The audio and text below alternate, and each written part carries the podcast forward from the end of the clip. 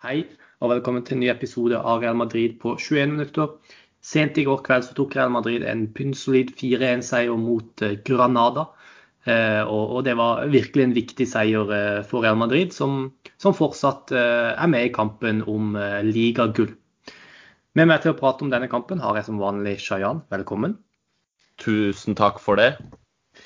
Hva, hva syns du om, om, kampen i går? For det, jeg, jeg så at det var veldig mange som var veldig, litt sånn bekymra i forkant av denne kampen, for Granada er jo egentlig et veldig bra lag. Eh, de slo eh, Barcelona for, på kamp nå for ikke mange uker siden. og Vi skal prate litt om, mer om, om, hvordan Real Madrid stilte opp i dag. Men det er jo åpenbart at dette her er et veldig svekka Real Madrid. Så uh, hvor fornøyd er du med, med denne 4-1-seieren?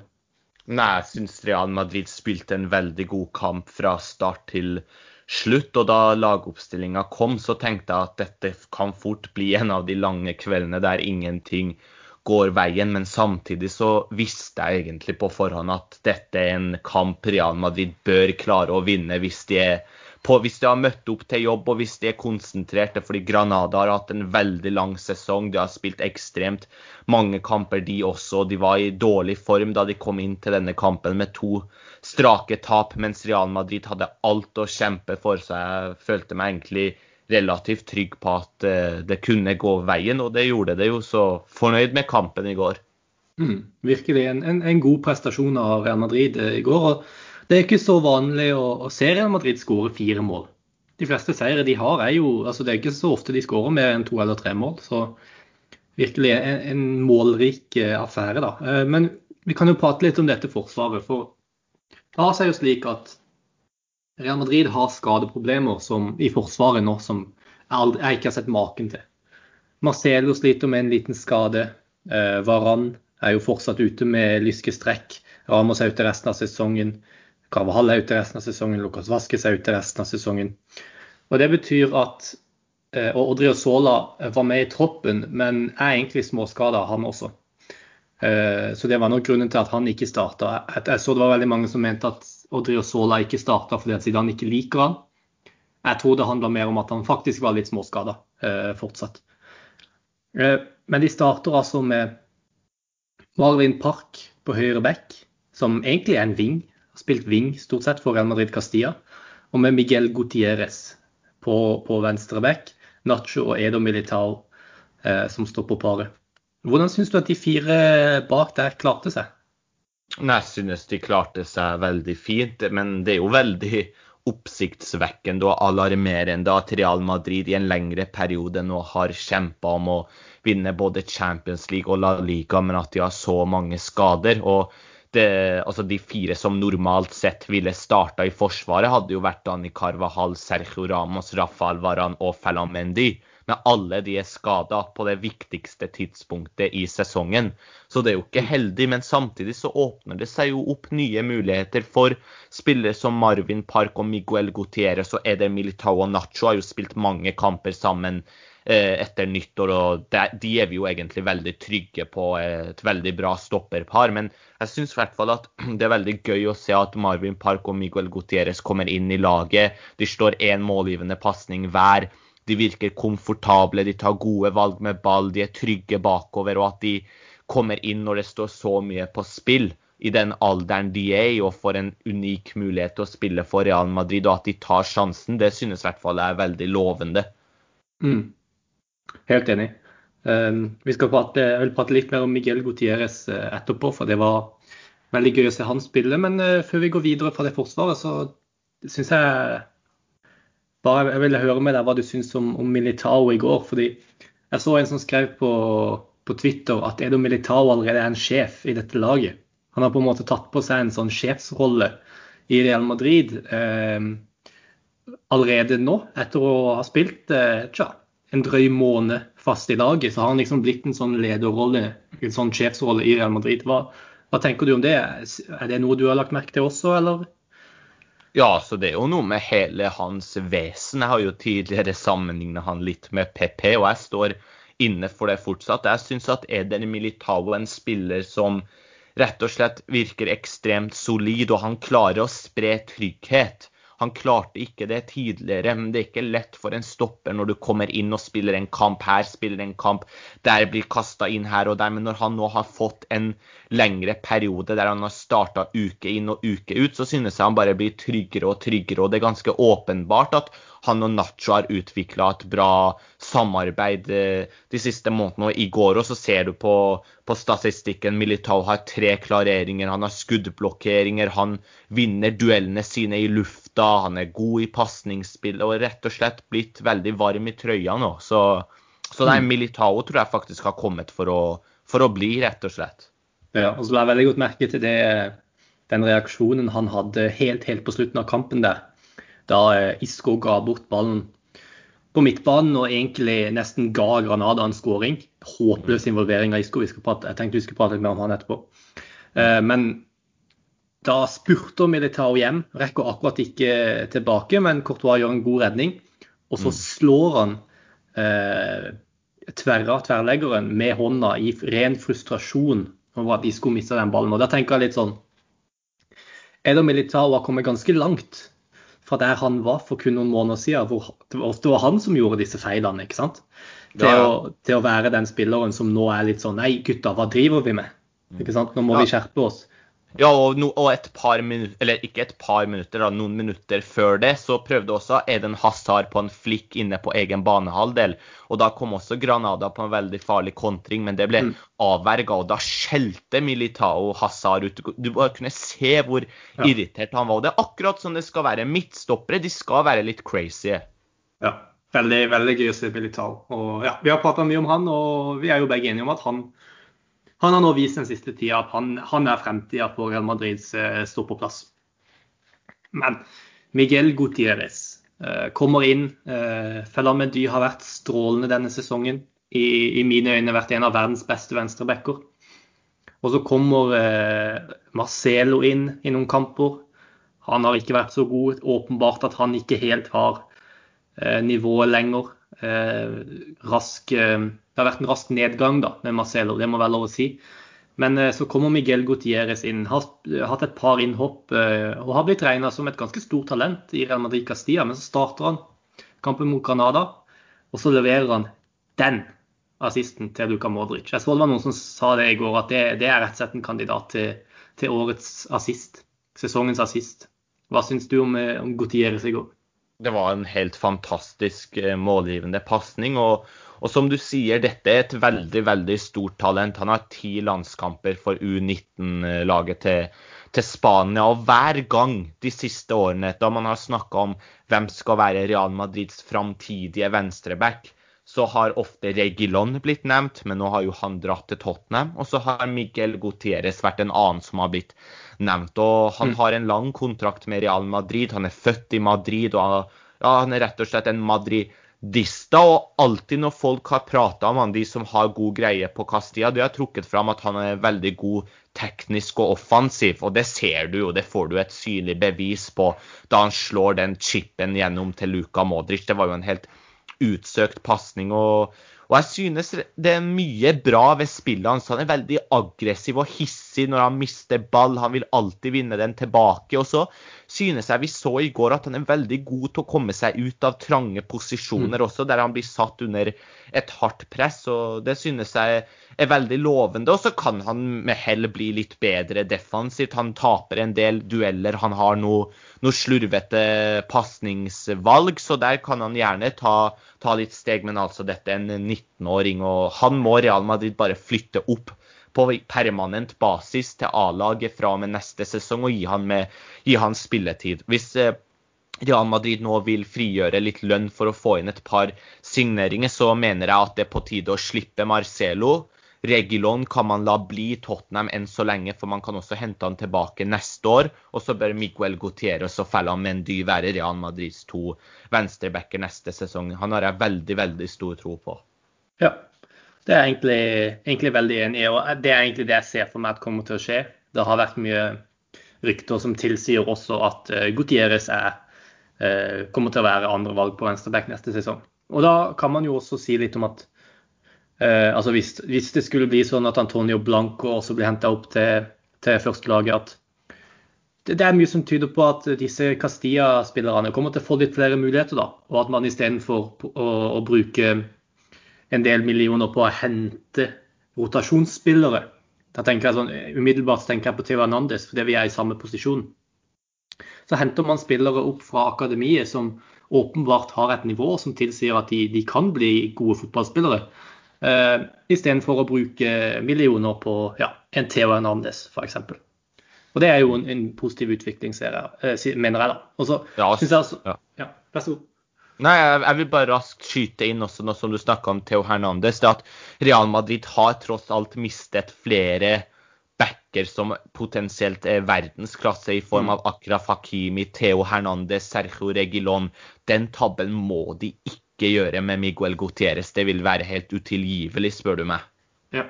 Jeg syns også du ser det på, på Luka Modric, egentlig. Jeg la merke til det et par ganger i løpet av kampen i går. hvor hvor eh, stor pris Luka Modric satt på eh, Gutierrez Eller setter pris på er kanskje litt feil ord, men iallfall eh, hvor komfortabel han var med å ha Gutierrez på banen. For Modric spilte jo venstre indreløper, som er, som er venstresida til Gutierrez.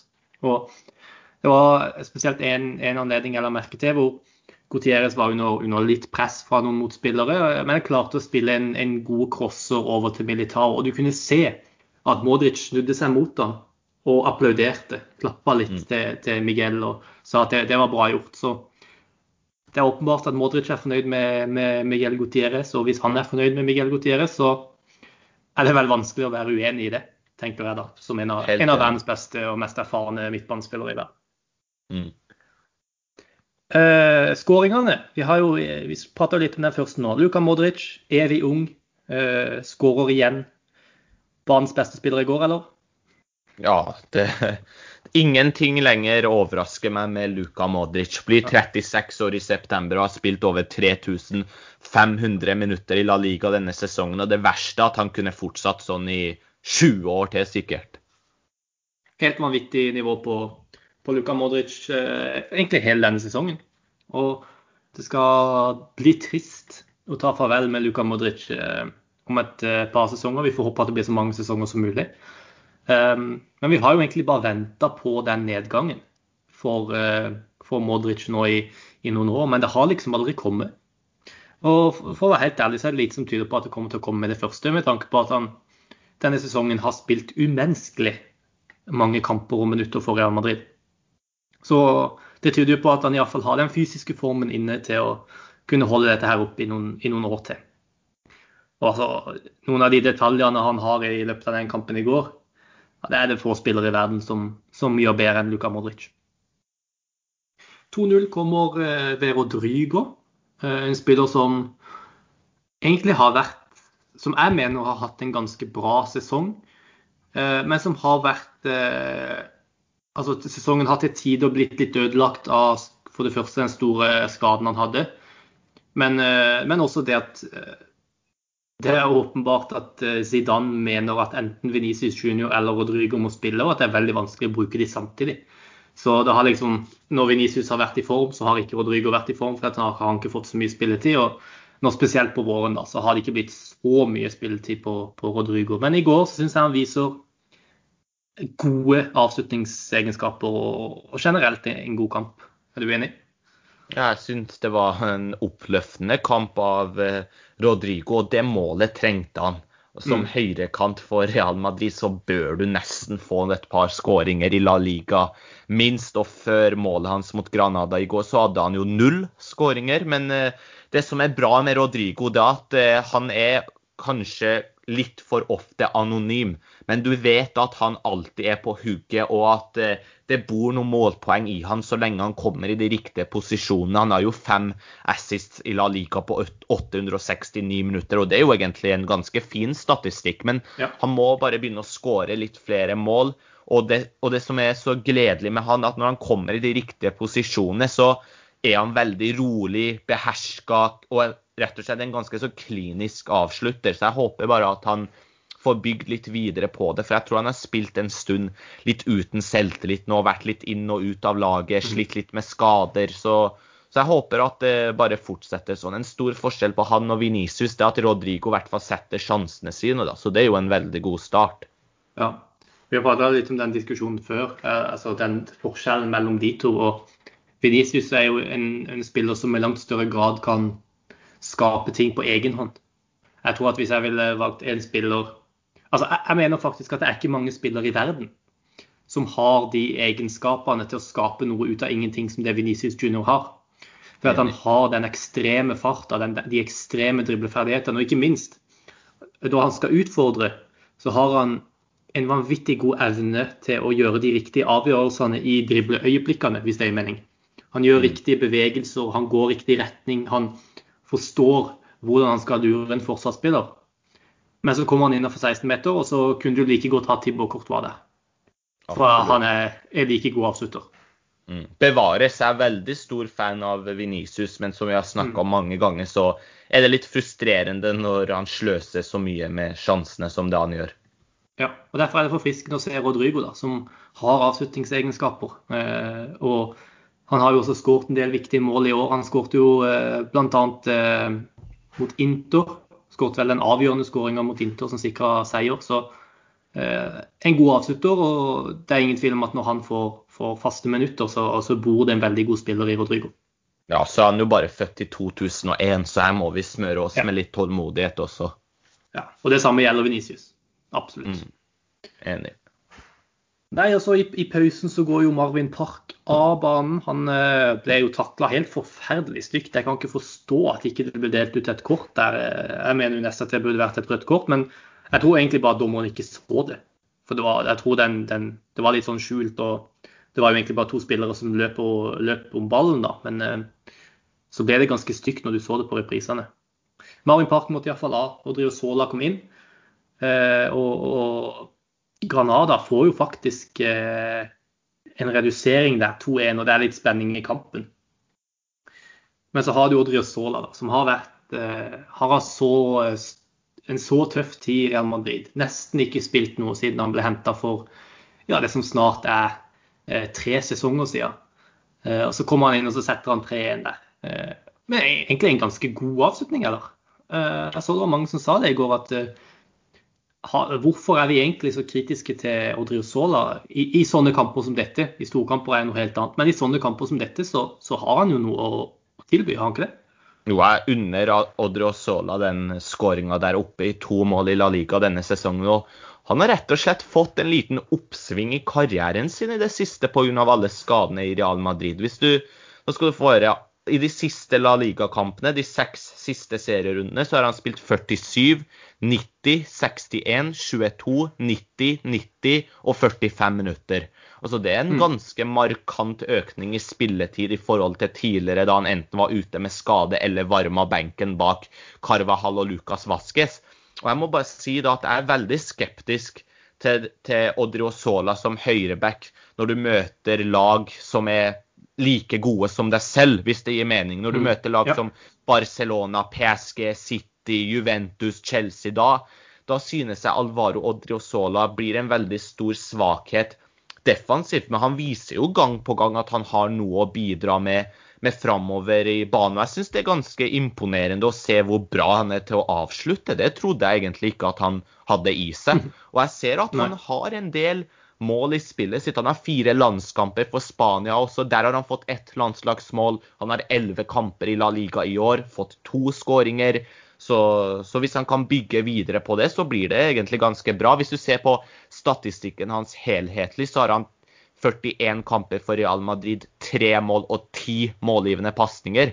Er egentlig et ganske så fint tall, selv om mye av det har kommet i, i cupkamper og mot svakere motstand. Men, eh, men jeg unner Odriozola den lille eh, oppturen han nå har fått har fått. Og hvis det er sånn at økonomien er så dårlig som vi tror, og prioriteringen å hente offensive spillere, så er jeg faktisk ikke helt imot ideen å ha han som en stallspiller neste sesong. Nei, helt enig. I hvert fall, i hvert fall hvis man beholder um, altså både Nacho og, og Lucas Vasques, som kan være gode alternativer på høyre back i de større kampene. Nacho jo, har jo vist at han er bunnsolid. og Lukas Vaskes eh, har rett og slett hatt en strålende sesong på høyre back, han også. Så man får liksom flere muligheter. Og, og Driosola i en kamp som dette mot et eh, mot lag som forsvarer seg dypt og kompakt, og ikke egentlig er så villig til å ta kontringer, for det var ikke Granada i går. så, så, tror jeg egentlig at han en, kan spille en viktig rolle i dette laget. 4-1, det kommer ved Benzema. Det er ikke så mye å si om den skåringa. Det er egentlig en, en, stor feil av Rui Silva i Granada-målet. Og, Benzema skårer fra ja, halvveis inn på, inn på banehalvdelen i Granada sin banehalvdel i et åpent mål. Men jeg vil bare, nå har vi 40 sekunder igjen her. Isco.